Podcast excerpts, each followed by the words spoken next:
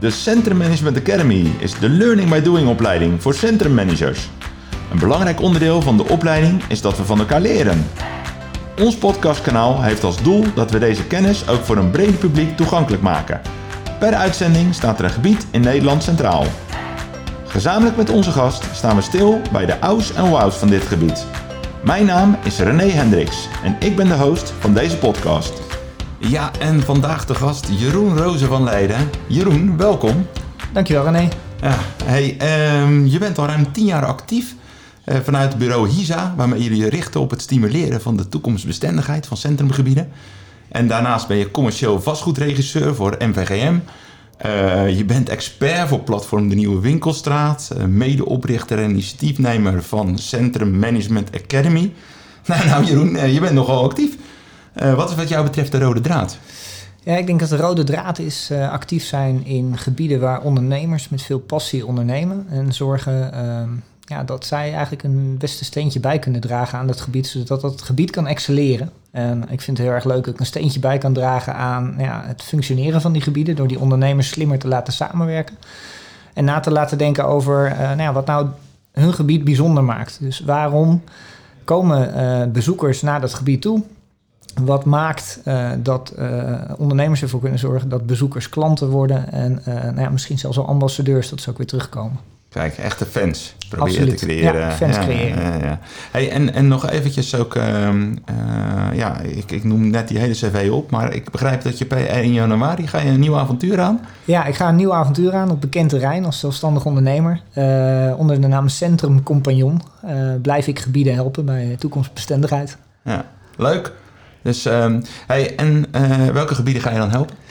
Ik ga in ieder geval aan de slag voor het centrum van Utrecht. Uh, ik blijf me daar met hart en ziel voor inzetten. Dat doe ik al zeven jaar. Nog steeds met heel veel plezier en een heel enthousiast bestuur. Dus ik heb er heel veel zin in om dat uh, voor te zetten. En daarnaast ga ik per 1 januari in uh, avontuur aan op de Woonboulevard Utrecht. ik moet zeggen, de woonondernemers ken ik nog niet zo heel goed. wel een aantal die je natuurlijk tegenkomt in die centrumgebieden, maar nog niet specifiek voor een woonboulevard. Ja. en daarbij volg ik Leo Zegers op, die dat een paar jaar heeft gedaan. Ja. Nou, gaaf, dus je hebt gelijk een volle bak met je, met je centrumcompagnon. Ja, meteen een volle bak als compagnon. Ja. ja. Ja, top. Hey, en Utrecht, dat is precies ook waar we het vandaag over gaan hebben. wat heb je zelf met Utrecht?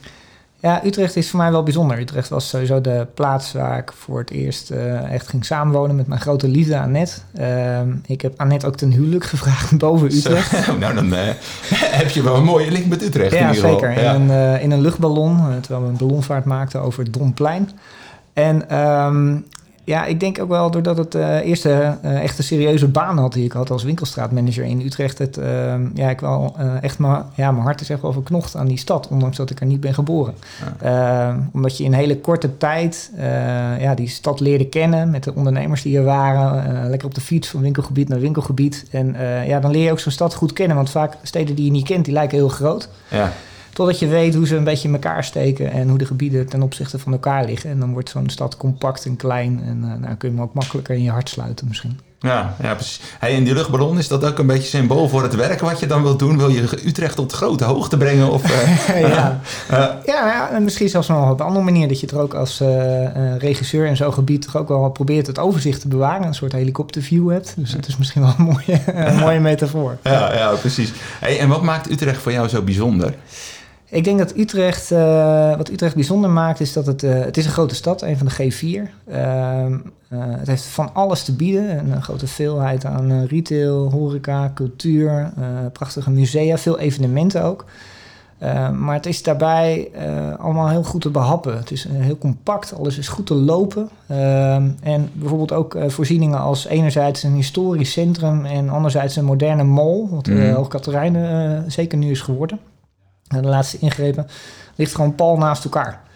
Uh, dus uh, ja, een heel rijk en divers en breed aanbod op een hele compacte, beloopbare schaal. Oké, okay. nou, mooi omschreven. En als je dan kijkt, hè, veel uh, centrumgebieden in Nederland hebben natuurlijk te maken met de uitdaging leegstand. hoe is dat in Utrecht? Ja, je ziet in Utrecht ook wel wat leegstand ontstaan door als gevolg van, denk ik, van de marktwerking. Uh, grote uitbreiding van hoogkaterijnen, de uitbreiding van de bijenkorf. Ik denk wel dat dat uh, toch even iets is waarin de markt zich moet zetten. Mhm.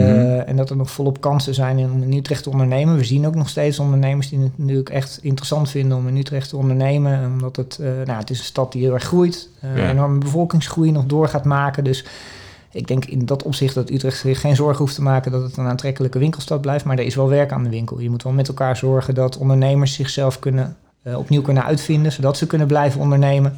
Dat je ze meeneemt in die veranderende markt en eigenlijk ook die veranderende bezoeker met veranderende behoeftes uh, ook. Dus dat je die op een andere manier eigenlijk moet helpen. Ja.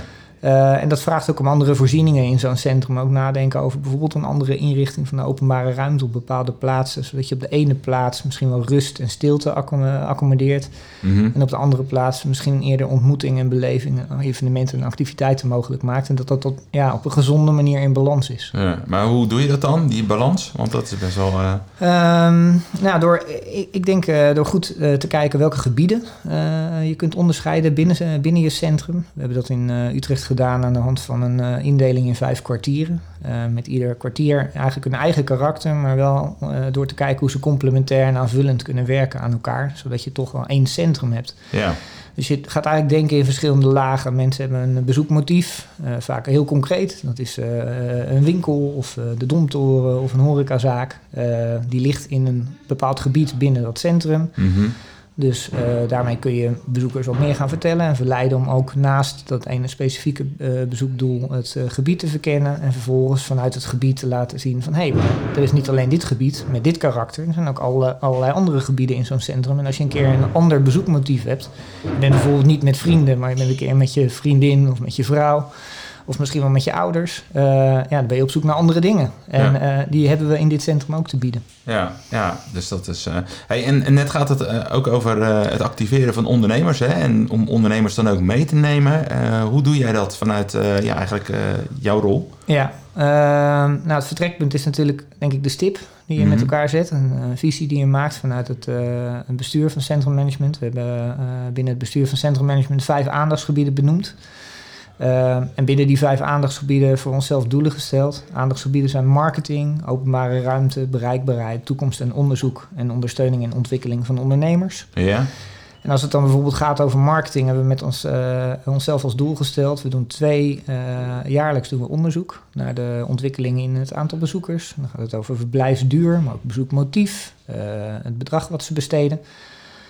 Dat kunnen we meten. Mm en aan de hand daarvan hebben we ons gewoon eigenlijk de, de, zeg maar de doelstelling in de tussentijd gesteld. Van nou, de zaken die wij dus doen moeten leiden tot uh, meer bezoek. En die proberen we dan te vertalen naar de zaken die ook ondernemers in zo'n gebied kunnen doen. Dus welke activiteiten kunnen zij organiseren die enerzijds passen bij het karakter, het unieke karakter van het gebied. Ja. Terwijl die anderzijds zorgen voor uh, meer bezoek en dan specifiek ook het bezoek benoemt. Dus welke bezoekers willen we dan? Nou, we mm. willen uh, ons richten op bezoekers uit de regio en nationaal. 70% uh, regionaal, 30% nationaal. Dus en daarbij is regio alles buiten stad Utrecht. Ja, ja, precies. Dus, uh, hey, en uh, ja, je geeft wel eventjes aan, hè, die, die, de kerngebieden, of tenminste de kernzaken waar je naar kijkt, er komt ook volgens mij een hoop data bij kijken. Want je roept daar gewoon eventjes zo wat getallen. Maar ja, wat, wat doe je met data vanuit Utrecht? Nou, we proberen met die data ook heel erg inzichtelijk te maken welk resultaat je behaalt. Uh, Dus we hebben eigenlijk de aandachtsgebieden die we natuurlijk hadden met die doelstellingen, hebben we uiteindelijk vertaald in een model. Ja. Het OGSM-model. Met oh. objectives, goals, strategies en measurements. Mm -hmm. En die laatste die gaat natuurlijk heel erg over het meten. Dus ja. hè, wat, wat, is je missie? wat zijn de doelstellingen? Welke strategie ga je volgen om je doelstellingen te bereiken? En hoe meet je of je ze daadwerkelijk hebt bereikt? Ja, dat proberen we heel concreet te maken aan de hand van de zaken die we dus ook meten. Dus bijvoorbeeld zo'n pas, passantenonderzoek. Maar je kunt ook denken aan bestaand onderzoek. Als het bijvoorbeeld gaat over een koopstromenonderzoek wat al wordt gedaan. Daarin geven mensen ook een kwalitatief oordeel uh, over, je, uh, over je winkelgebied. Ja. Dat is natuurlijk tot nu toe beperkt tot Randstad. Het koopstromenonderzoek. Maar ja, er gaan veelvuldig gesprekken om die uh, koopstromen ook onderzoeken ook buiten de Randstad uit te breiden. Dus dan heb je vaak ook via provincie- of gemeenteonderzoek wat al wordt gedaan, wat je gewoon kunt gebruiken. Dus het is geen oproep per se om uh, altijd maar weer nieuw onderzoek te doen. Maar maak Nee. vooral gebruik en slim gebruik van de dingen die je al uh, ja, tot je beschikking hebt. Uh, eigenlijk start uh, zeg maar, het onderzoek met onderzoeken wat er allemaal onderzocht wordt. Ja, zeker. Ja. is dat het uh, begin. Anders dan, uh, ja, dan ga je of het wiel opnieuw uitvinden. Ja. of ja, je gaat je, je huiswerk opnieuw doen. Ja, ja, dat zou zonde zijn. Dus eerst een goede inventarisatie en Ja. van daaruit eigenlijk bepalen van nou ja, wat, wat heb je nog nodig, wat ontbreekt er nog om met die data eigenlijk volgende stappen te kunnen Ja, zetten. volgende stappen te kunnen zetten. Ja. Ja, en ik hoor je ook zeggen van, hè, ja, hoe doe je dat dan? Hoe activeer je dan die ondernemers? Nou, enerzijds dus met een con- concreet doel, Mhm. eh, eh, zodat het ook motiveert als je het haalt. Of eh, dat je kunt bijsturen als je het niet haalt. Maar het gaat er ook denk ik vooral om dat je gaat met degene die willen gaan. Ja. Dus binnen die gebieden, nou, als je over Utrecht praat, in het centrum zijn er 2200 partijen. 2200, zo. Ja, Ja. Nou was het maar zo dat ik die alle 2200 op een bijeenkomst had als ik Ja. ze organiseerde. Eh, Nou, ik weet, dat zou je willen ook. Dan moet je wel een bepaald zaaltje afhuren in Utrecht, denk ik. Stel Om dat dat, je- eh, nou. Galgenwaard. Ja. Maar ehm, eh, nee, ik denk wel dat het de kunst is om bij de bijeenkomsten die je organiseert, gewoon eh, de, de clubondernemers, de, de 15 of 30 per gebied die echt actief zijn en betrokken, dat je die koestert, hun ook de middelen geeft om te blijven gaan. Ja, en dan af en toe ook, en ook het podium geeft. Op het Ja. moment dat het resultaat dan behaald is, eh, hè, dan eh, eh, is het ja belangrijk om te laten zien dat je daar natuurlijk als centrummanagement een bijdrage aan hebt gedaan. Maar gebruik dan die ondernemers, die trekkers, degene die het werk doen, de gezichten uit die verschillende sfeergebieden of kwartieren. Mhm. ook eh, en geef, ze, eh, ja, geef ze een podium. Ja. Dus investeer daar waar de energie zit, zeg je Ja, eigenlijk. investeer Eh, daar waar de energie zit. Ja. En wat, wat doe je met mensen die gewoon eh, niet willen of negatief zijn? Of, eh, Eh, ja, die laat je over al links liggen. Ah, ja, nee, ah. eh, er stopt er niet te veel energie eh, in, want alles wat je aandacht geeft, groeit. Dus ook negatieve aandacht. Oké, ah, ja, mooi, gezegd, mooi gezegd in ieder geval.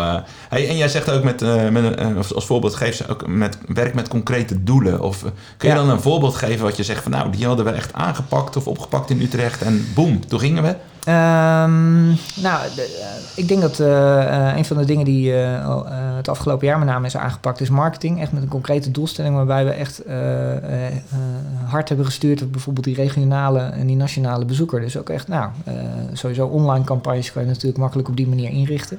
Ja, Uh, maar een van de concrete voorbeelden onlangs was... uh, je wordt als centrummanagementorganisatie soms ook nog wel eens gezien als pinautomaat. Of Mhm. als de partij waar je ja, je, je gat je begroting kunt dichten.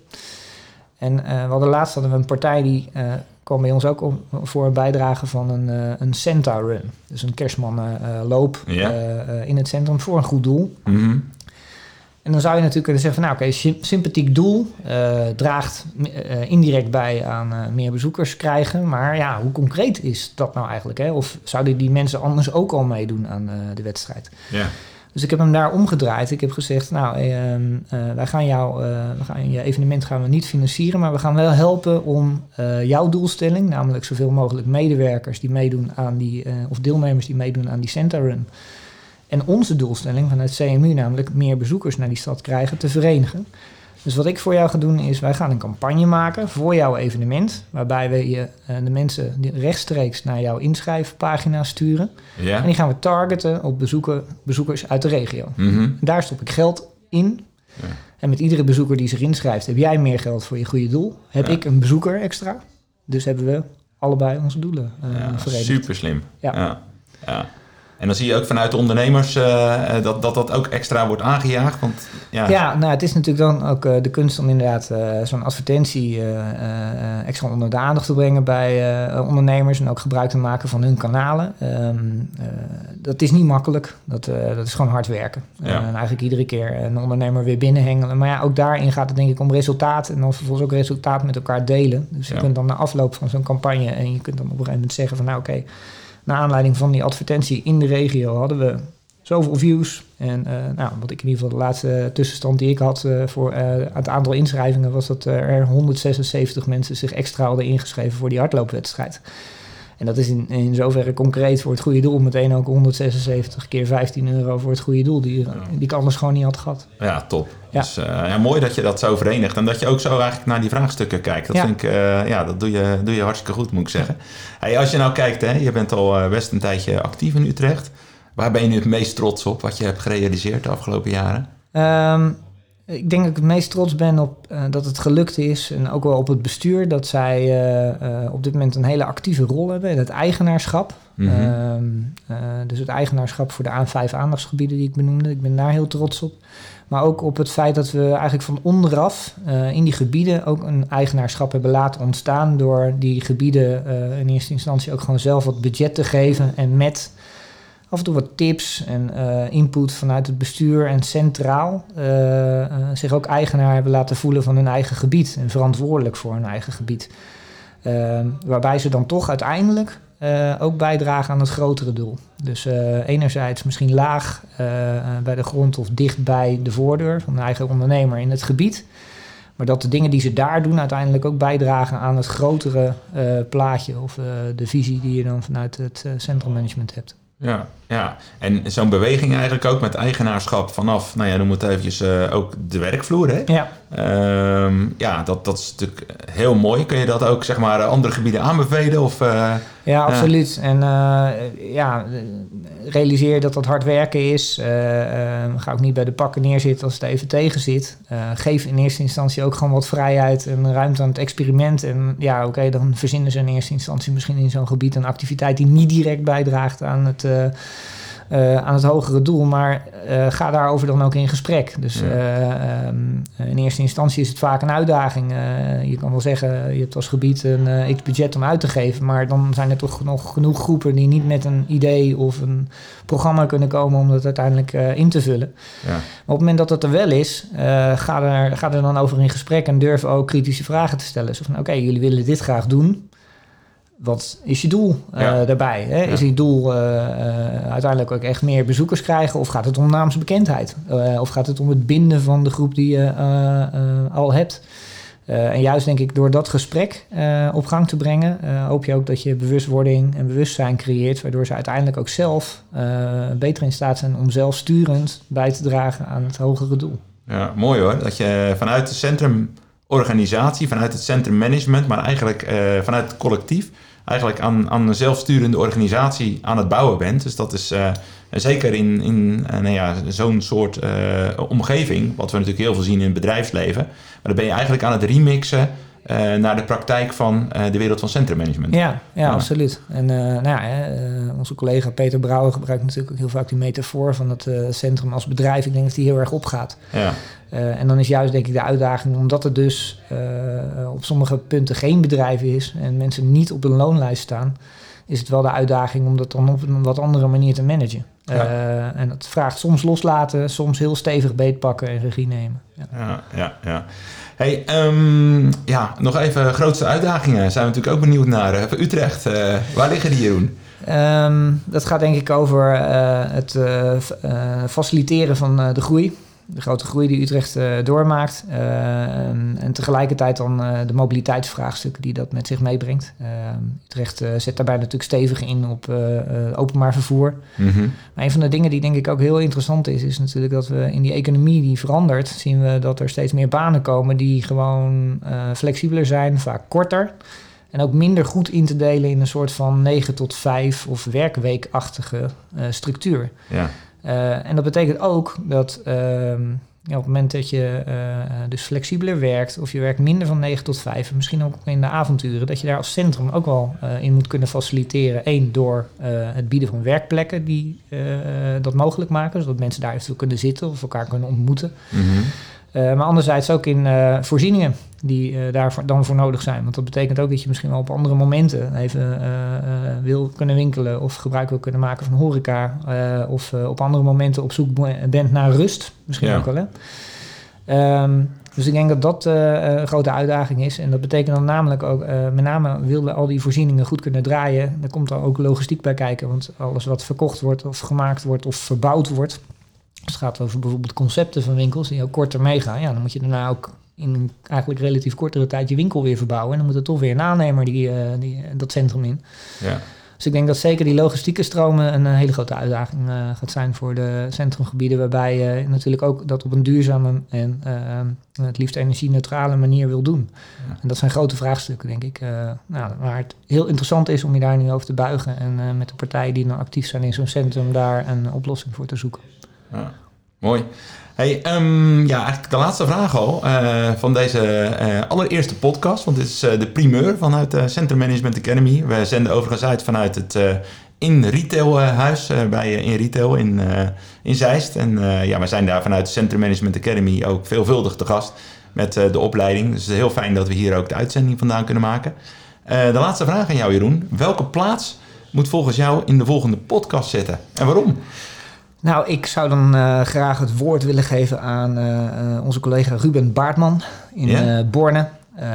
Ruben is een hele bevlogen centrummanager. En zo hebben we hem ook leren kennen tijdens onze lichting van de Centrum Management Academy. En ik ben Zeker. heel benieuwd inderdaad wat hij te vertellen heeft in de volgende podcast. Nou, misschien gaat hij nog wel wat typetjes doen. Hij was ook van de Herman Vinker, zoals die altijd... ja, wie weet. Dus we hebben ook een ho hoop lol gehad met Ruben. Nou, die staat dan voor de volgende keer... staat hij uh, op de rol. Dus uh, Ruben, uh, ja, de uitnodiging die staat bij deze.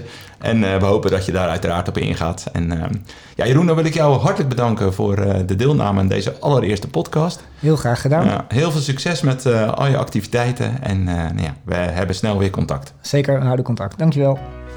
Dit was de podcast van de Centrum Management Academy. Hartelijk bedankt voor het luisteren. En wil je vaker geïnspireerd worden door andere centrumgebietvakgenoten? Abonneer je dan nu op ons kanaal. Samen maken we het verschil. Tot een volgende keer.